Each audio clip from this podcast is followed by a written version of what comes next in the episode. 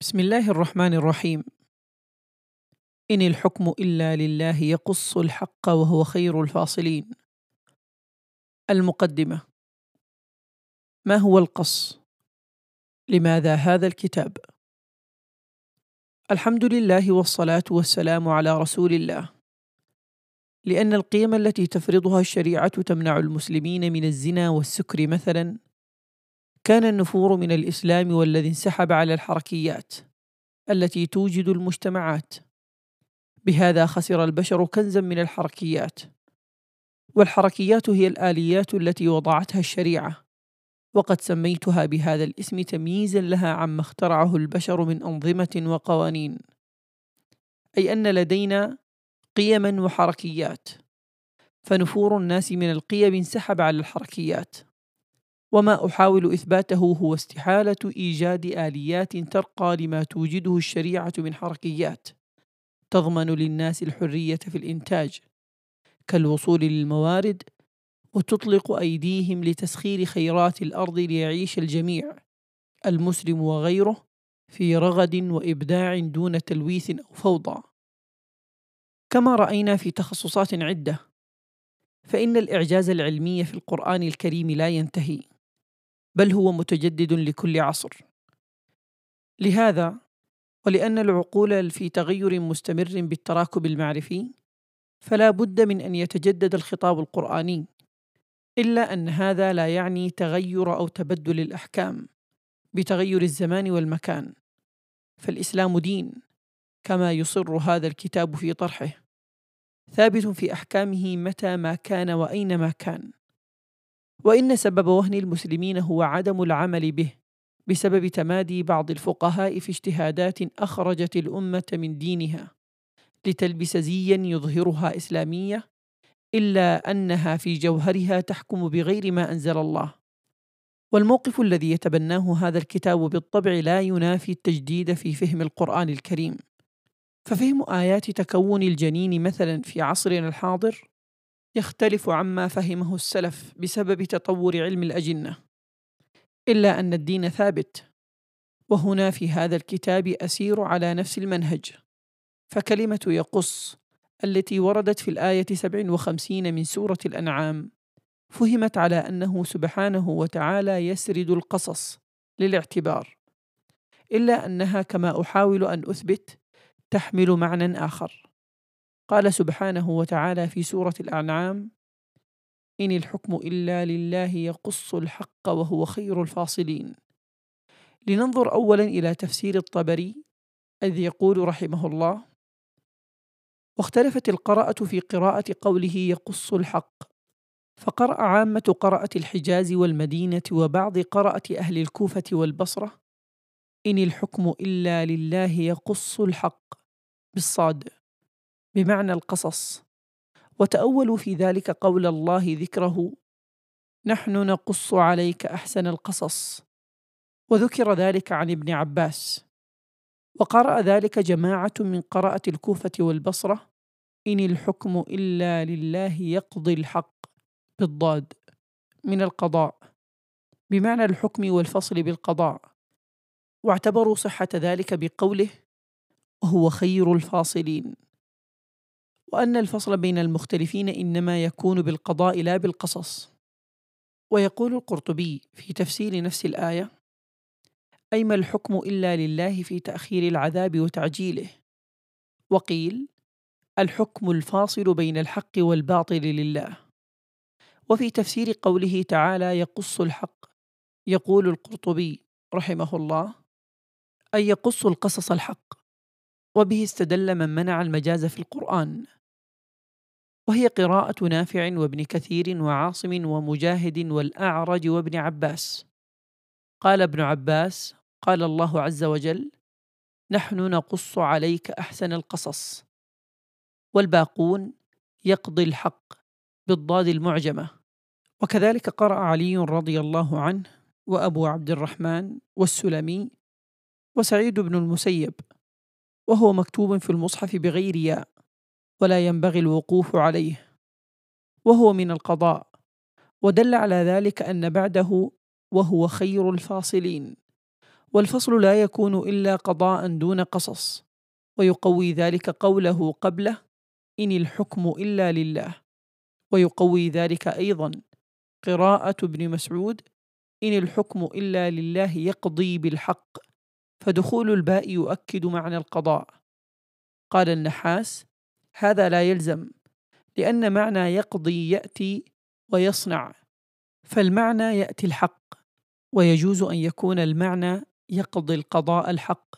قال مكي وقراءة الصاد أحب إلي لاتفاق الحرمين وعاصم على ذلك ولأنه لو كان من القضاء للازمت الباء فيه كما أتت في قراءة ابن مسعود. قال النحاس وهذا الاحتجاج لا يلزم. لأن مثل هذه الباء تحذف كثيرا.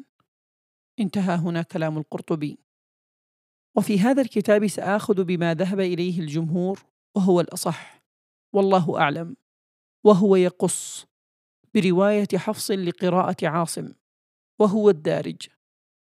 إلا أن الذي يطرحه هذا الكتاب هو أن المقصود بيقص ليس فقط القصص ولكن أيضا القص من قص والأداة هي المقص. إذ وكأن الحق رقعة لن يتمكن من قصها وتوزيعها بإتقان بين البشر إلا الله سبحانه وتعالى ودون زيادة أو نقصان لتلافي استعباد الناس بعضهم لبعض لإيجاد التفاعل المنتج بينهم للوصول لأفضل مجتمع متمكن وقوي وعزيز. ولعل في قوله تعالى وهو خير الفاصلين طمأنة لهذا التوجه إذ أن الفصل أفضل ما يكون بين الناس وقمة الفصل هي في حقوقهم وهذا لا يكون إلا بإعجاز فكري يفوق عقول البشر في قص الحقوق للفصل بين أفراد المجتمع لتمكينهم وهذا ما فعلته الشريعة. بالإمكان توضيح طرح هذا الكتاب في المثال الآتي. إن وجد ميزان دقيق ووضعنا في كفتيه ثقلا وزن كل منهما طنا واحدا. ثم أضفنا إلى إحدى الكفتين جزءا من جرام لكي يصبح الفرق بين الكفتين أقل من جزء من مليون. فهل ستميل الكفة الأثقل بهذا الفارق الضئيل؟ بالطبع ستميل بل ولأن الكفة الأثقل قد رجحت فسيزداد سقوطها سرعة كلما كان الميزان أكثر دقة. وكلما كان ذراعها أكثر ارتفاعا وطولا هكذا يطيش ما على الكفة الأخرى فهذا الفارق الذي لا يكاد أن يذكر بين المكيالين رفع كفة ووضع أخرى فهل في الأحمال ما هو أثقل من الحقوق على الناس؟ وهل في الموازين ما هو أشد حساسية من النفوس البشرية؟ فإن أخطأت في حق آخر بكلمة لا تقصدها سترى التغير في وجهه فما بالك بأخذ شيء من حقه. إن كلمة يقص في الآية تعبير يدل على أن الحق شيء قد قصه سبحانه وتعالى بعلمه وحكمته إلى قطع متباينة. ثم وزع السميع البصير العليم الحكيم هذه القطع أي الحقوق بين خلقه ليتم الفصل بينهم لتلافي الخلاف لينطلقوا لإيجاد أفضل تفاعل ممكن بينهم. للوصول لأسعد وأقوى وأعز مجتمع منتج ممكن سواء كان أفراده مسلمين أو لم يكونوا. فالحكم له أولا وآخرا. ثم أتى البشر وقصوا الحقوق باستخدام عقولهم القاصرة من خلال أنظمة وضعية كالرأسمالية فثقلت موازين وطاشت أخرى. واستعبد الناس بعضهم بعضا. هكذا قيدت المجتمعات نفسها سواء كانت مسلمة أو غير مسلمة داخل الأنظمة والقوانين لتحبس نفسها في سجن التخلف والفقر والجهل والمرض والضعف والمذلة في دول ما يسمى بالعالم الثالث. وتغلق الأبواب على نفسها داخل زنزانة الفساد والتلوث والكآبة في مجتمعات ما يسمى بالعالم الأول. هكذا تزداد المجتمعات سقوطا كلما حاولت الخروج بغير الاستعانة بحكم الله في عمارة الأرض. وهذا الكتاب يوضح أن محور التخلف في العالم الإسلامي والخروج منه لا يكون إلا بإعادة منظومة الحقوق أو بالأصح مقصوصة الحقوق التي قصها سبحانه وتعالى لخلقه. وفي المقابل فإن العالم المتقدم سيخرج من زنزانة التلوث والكآبة. إن هو حكم بمقصوصة الحقوق حتى وإن لم يكن مسلما.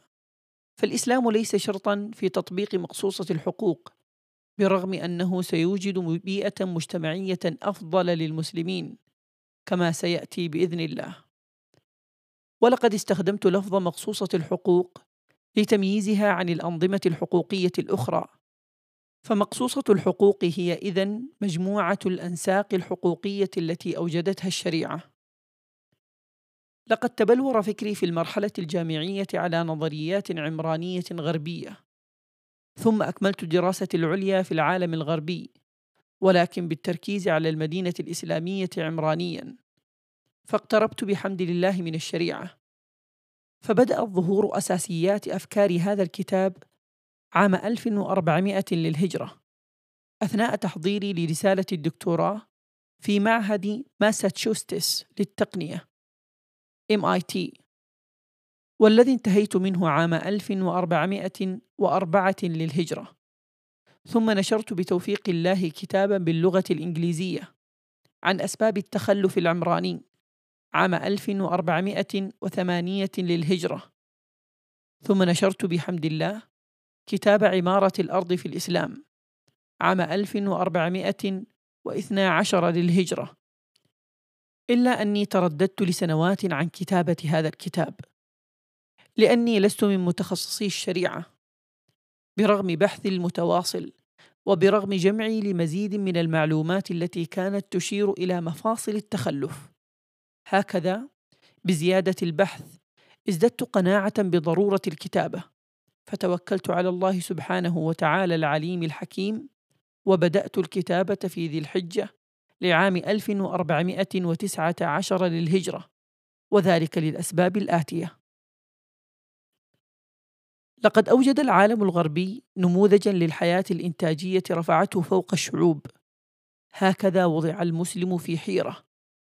فتأكد الكثير من الناس بأنه لا مفر لأي مجتمع من تبني النموذج الغربي. بمؤسساته الديمقراطية والتعليمية ونحوهما. وبهذا كان السؤال كيف يمكن التحايل على المجتمعات ومنها المسلمة بسحبها للحداثة؟ لذلك رفع بعض المسلمين رايات الاستسلام. وبدأوا بالمناداة بإعادة النظر في الشريعة بمحاولة اختراق الفقه الإسلامي وإيجاد فهم معاصر بشتى أنواع الاجتهادات. لدفع الإسلام للتكيف مع معطيات حياتنا المعاصرة. بل وهناك كتابات ترفض السنة وتصر على إعادة النظر في فهم نصوص القرآن بالتمييز مثلا بين ما هو قرآن وفرقان وبين ما هو رسالة ونبوة وذلك لإسقاط بعض الأحكام. وهكذا وضعت الشريعة في قفص الاتهام. ومتى ما قيل أن الإسلام لم يطبق قالوا إذا هو دين غير قابل للتطبيق. وذلك لأن ما قدمه العالم الغربي من إنجازات قد أقنعت كل عاقل منصف كما يقولون بأن الإنسانية بتراكم معارفها على مر العصور وفي جغرافياتها المختلفة. قد وصلت إلى ما وصل إليه العالم من حضارة بتبني مبادئ الغرب العلمانية. لذلك فهذا الإنجاز ليس ملكا للغرب وحده بل للعالم أجمع أي أن هناك نفقا يؤدي لوادي الحضارة حفره العالم الغربي ولا بد لكل من أراد التحضر من الولوج في هذا النفق اختصارا للطريق. ومن محطات هذا النفق الديمقراطية والتعددية الحزبية وتداول السلطة وضرورة المؤسسات المالية والبطاقات الائتمانية والشهادات الدراسية ونحوها. وهكذا تمت المناداه بإعادة النظر في حقوق الإنسان وفي تبني البرلمانات والدساتير وفي ضرورة إيجاد المؤسسات المدنية. وما شابه من نداءات تجعل الكثير من المسلمين في حيرة من أمرهم. إن كان الإسلام دينا صالحا لكل زمان ومكان وإن كان هذا هو الدين الحق من من الله علام الغيوب. وإذا كانت الديمقراطية هي النظام السياسي الأمثل فلماذا لم يأتي الإسلام بالديمقراطية وترك بلورتها لغير المسلمين؟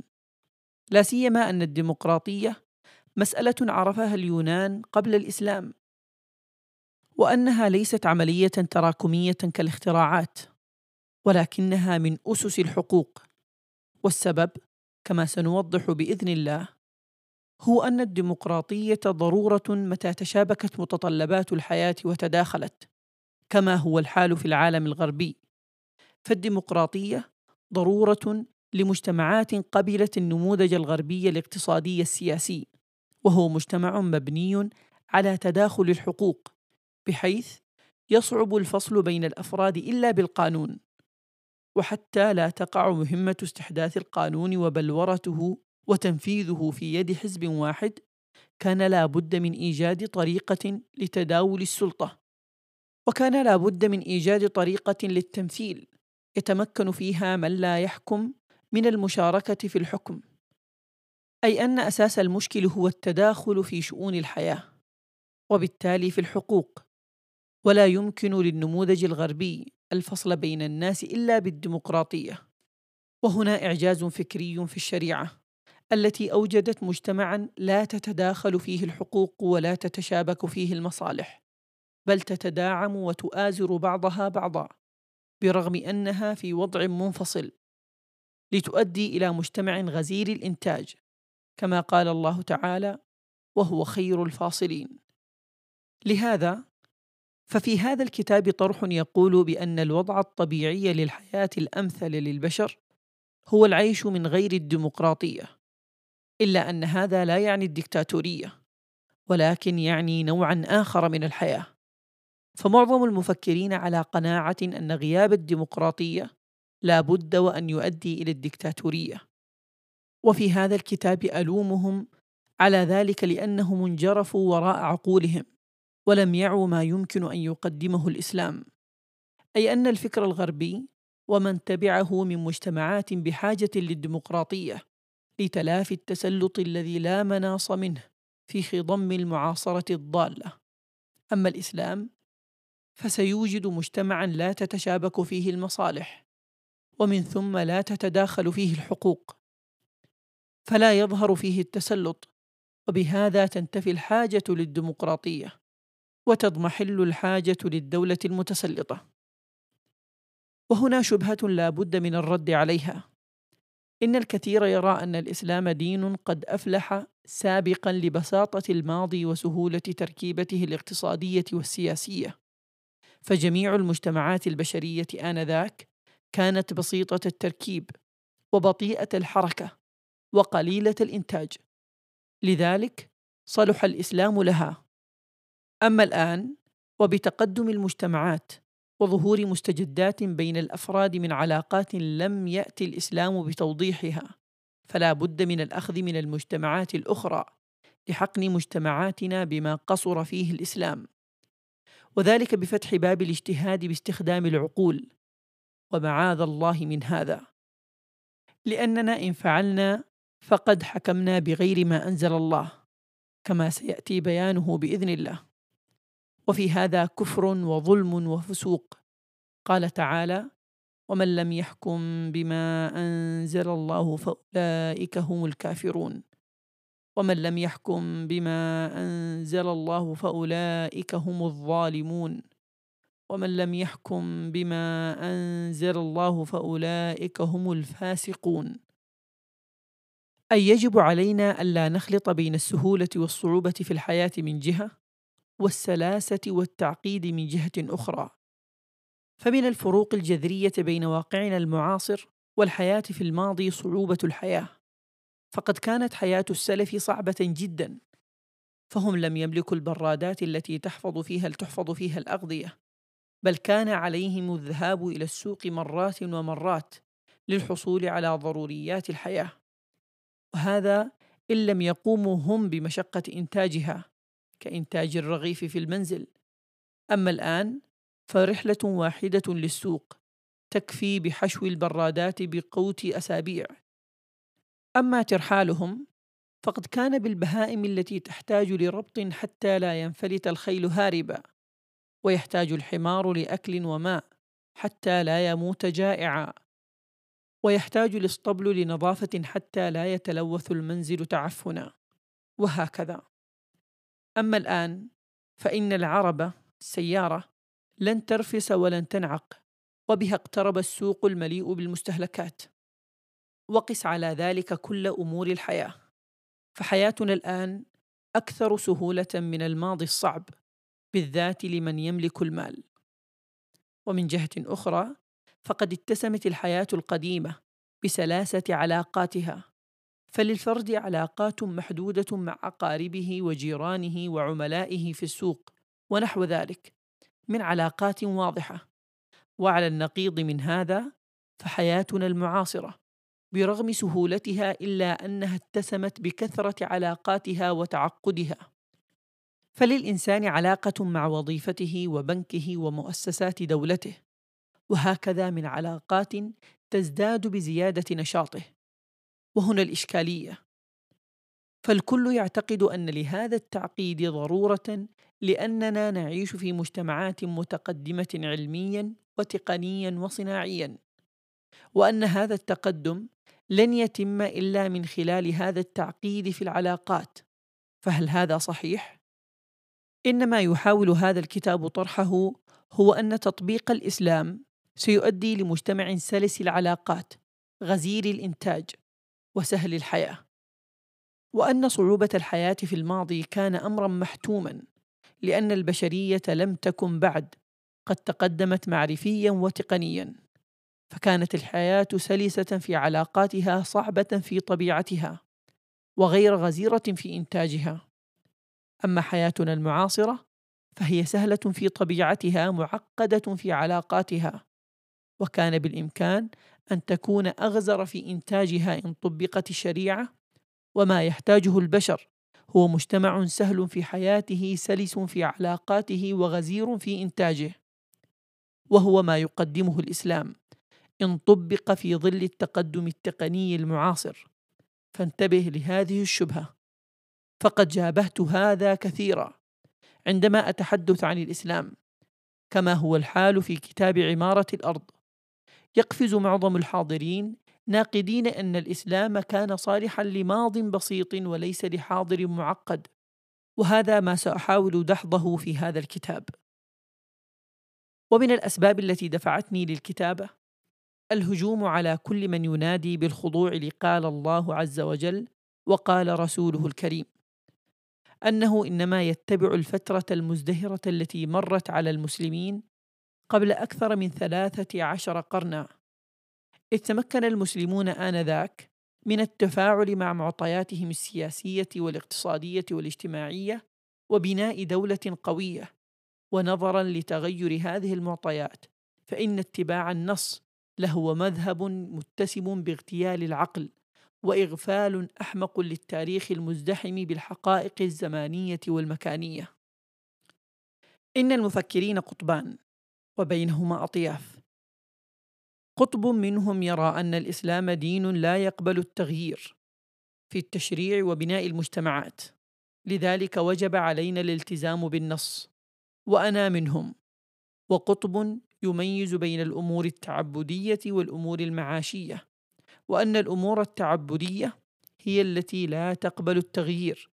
أما المعاشية فلأن أصلها الحل والإباحة فللفقهاء فيها حرية الاجتهاد للوصول لما هو أنفع للناس.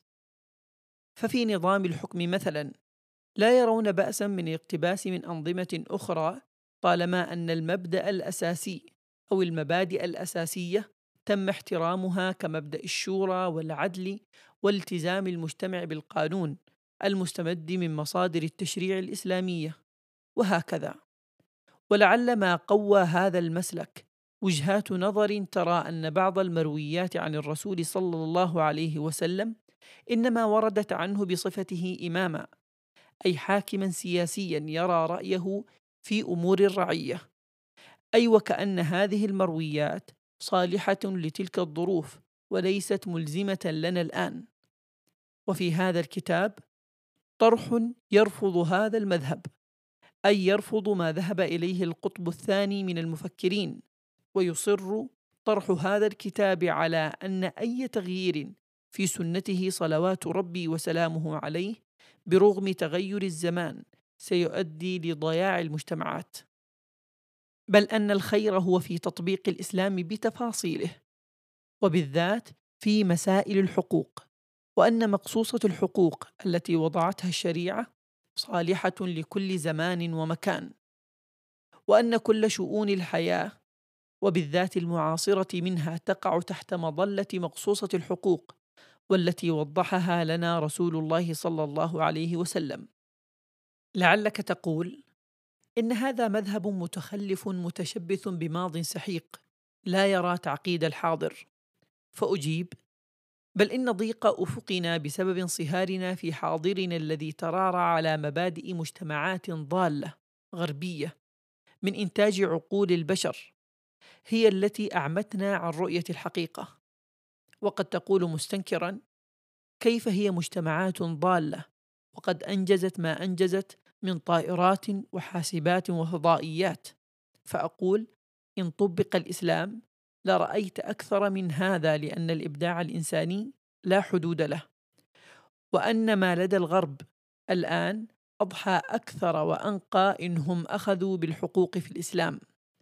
بل إن مقصوصة الحقوق التي وضعها الإسلام تزداد ملائمة للبشر بتقدم الزمان.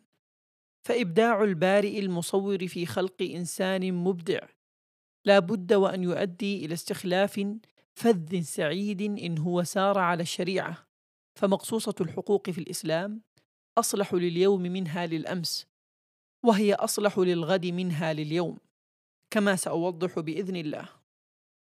إنها إعجاز تشريعي حتى أنني من قناعتي أكاد أجزم بأن المسلمين إن ساروا على الشريعة دون تحريف لابتكروا الحاسب الآلي قبل عدة قرون بكل ما له علاقة بتقنية الاتصالات كالهاتف والتلفاز لأنه سبحانه وتعالى خلق إنسانا مبدعا لا يقيد إبداعه إلا البشر بقهرهم لأنفسهم.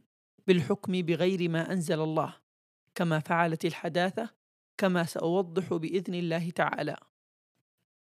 ولعل في واقعة تأبير النخل مثالا جيدا في المنفذ الذي دخل منه الكثير للاستدلال على جواز الاستيراد من أمم أخرى. فكان الخلط بين الحقوق وبين ما سواها مما تتطلبه الحياة المعاصرة. فهناك اكتشافات واختراعات وتقنية وهناك علوم في السياسة والاقتصاد وما إلى ذلك مما ظهر به العالم الغربي. ففتح غطاء واقعة تأبير النخل ومن قوله صلوات ربي وسلامه عليه أنتم أعلم بأمور دنياكم. أخذ الكثير من الغرب.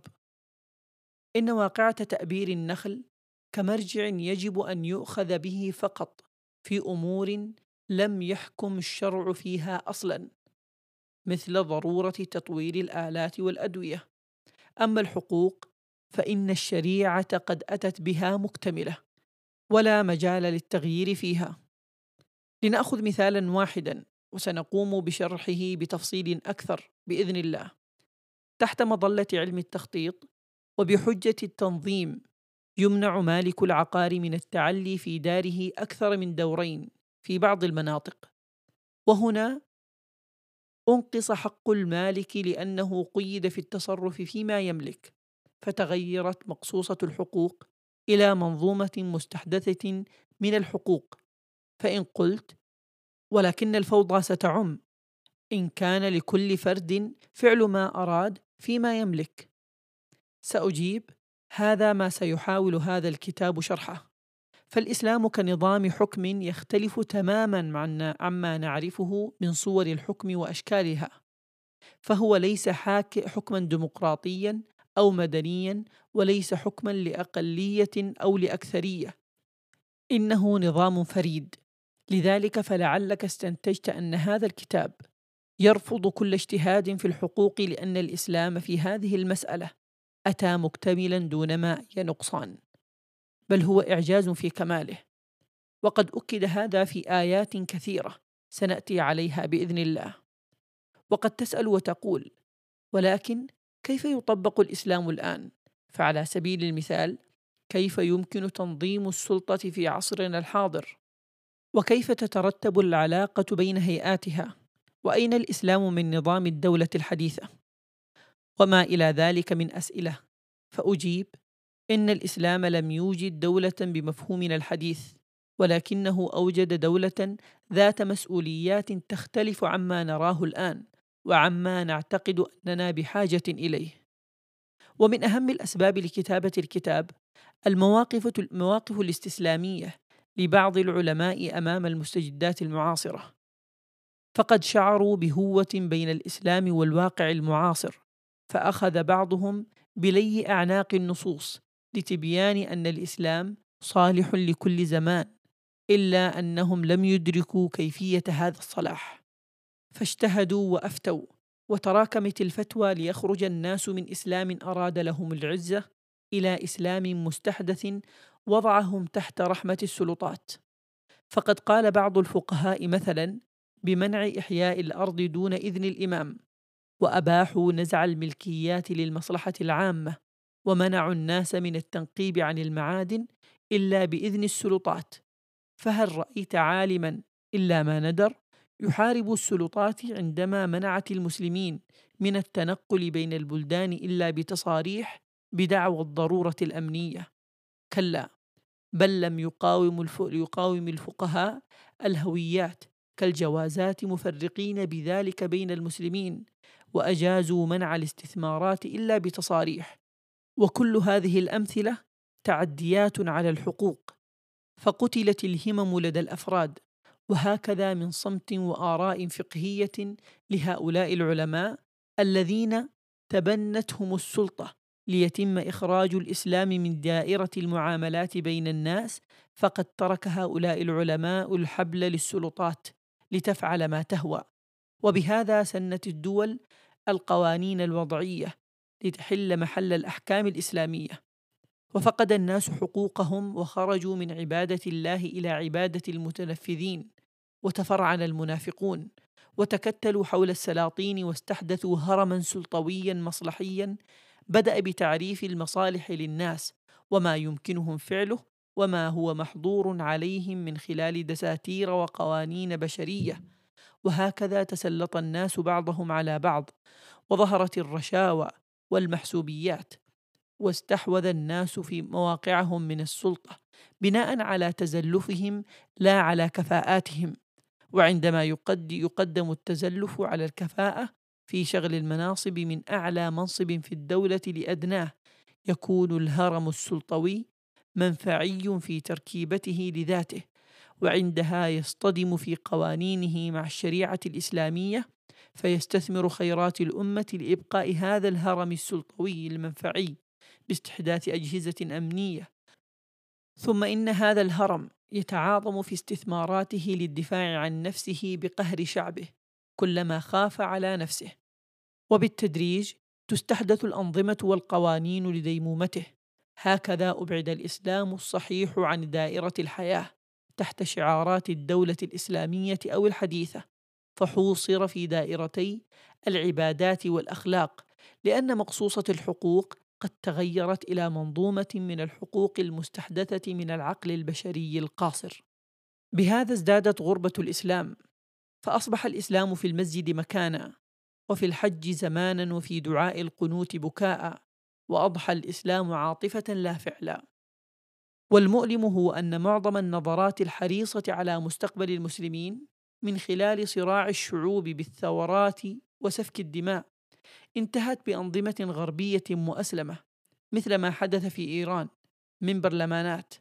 من هذه الرؤى ما أنجب حركات قومية كالبعثية حتى الجادين منهم لم يفلحوا. فجمال عبد الناصر مثلا وبرغم أنه عاش واقع الفقراء سحب مصر لتخلف بدأنا نتلمس أبعاده الآن. وبعد وفاته لندرك مدى الضياع الذي كان عليه العالم العربي آنذاك. أي أننا حاولنا معظم أنماط الحكم ولم نفلح.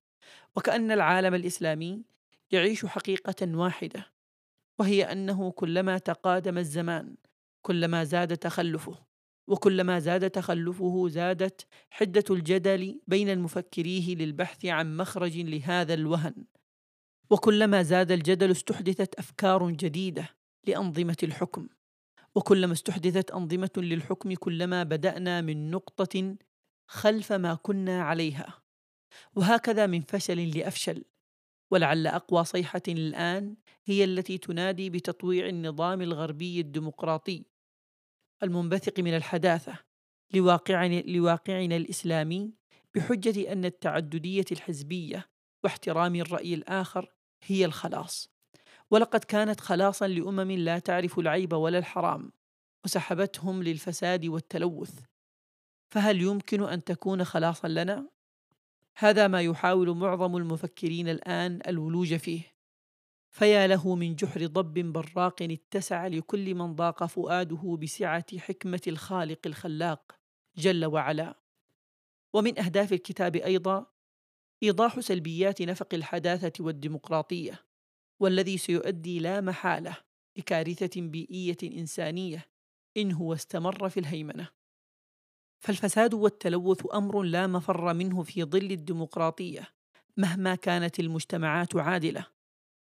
ذلك أن الديمقراطية لا بد أن تنتهي بالسلطة في أيدي الأهواء التي تسيرها المصالح مهما كانت شفافية المجتمعات. وهكذا يزداد التلوث. ألم يقل عالم الغيب والشهادة سبحانه وتعالى؟ ظهر الفساد في البر والبحر بما كسبت أيدي الناس ليذيقهم بعض الذي عملوا لعلهم يرجعون. هذا ما سيحاول هذا الكتاب إثباته بإذن الله. ولعل السبب الأهم الذي دفعني للكتابة هو سؤال دائم التردد. كيف ستظهر الخلافة؟ والإجابة هي لا يمكن لنا إقامة دولة مسلمة الآن لأن عقولنا تفكر في دولة إسلامية بمنظور غربي كما حاول الإخوة في مصر والجزائر مثلا فأنى للخلافة أن تقوم وأساسها لا وجود له وإن قامت أي وإن تمكن حزب إسلامي من الوصول للسلطة فهل سيفلح؟ وكم أتمنى أن تظهر الخلافة وأن تدوم. ولكن شتان بين مفهمنا الآن وما أتت به الشريعة من حقوق. لهذا فشتان بين فرد سيظهر إن طبقنا الحقوق كما نفهمها اليوم كإسلامية وبين فرد من عهد الرسول صلى الله عليه وسلم. من حيث الإرادة والنزاهة والعطاء والتضحية والعزة والنخوة والمروءة. فعزة المجتمعات من قوة أفرادها والأفراد هم إفراز المنظومات المجتمعية. ومجتمعاتنا اليوم أو ما يحاول العلماء والمفكرين إقامته من دولة مسلمة هو إفراز لما في رؤوسهم من أفكار عن الدولة المسلمة. وهنا الإشكال الأكبر. فهناك تلوث كبير في أذهان الكثير عن مواصفات الدولة المسلمة لعصرنا الحاضر. بسبب تقبلنا للكثير من تراكمات اجتهادات الفقهاء أو تقبلنا لكثير من قيم الغرب الحقوقية ومن أهمها الديمقراطية. فإن عدنا لمقصوصة الحقوق ستظهر حينئذ بإذن الله الخلافة التي وعدنا بها صلوات ربي وسلامه عليه على منهاج النبوءة لكل هذا أقنعت نفسي بضرورة نشر هذا الكتاب عن دور الشريعة في إيجاد الحضارات. لعلنا ننقذ الأرض ومن عليها من فساد قادم لا محالة إن لم تطبق الشريعة. ففي هذا الكتاب توضيح لعظم الشريعة في مسك زمام المجتمع لإنتاج أفضل الحلول بحيث لا يقتصر ذلك على تخصيص معين ولكن بطريقة فكرية لكل مفاصل حياتنا المعاصرة.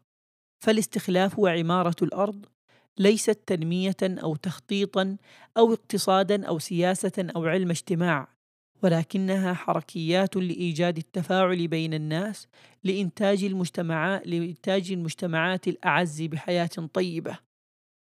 وأخيرا أنا لست شيعيا ولا زيديا ولا اباضيا ولا علمانيا ولا معتزليا ولا سلفيا ولا وهابيا ولا اخوانيا ولا خارجيا ولا صوفيا. ولا تبليغيا ولا قاعديا ولا داعشيا ولا مرجئا ولا جاميا ولا مدخليا ولا سروريا ولا ولا. بل أنا مسلم سني أمضيت جل عمري في تقصي حقوق الناس شرعا.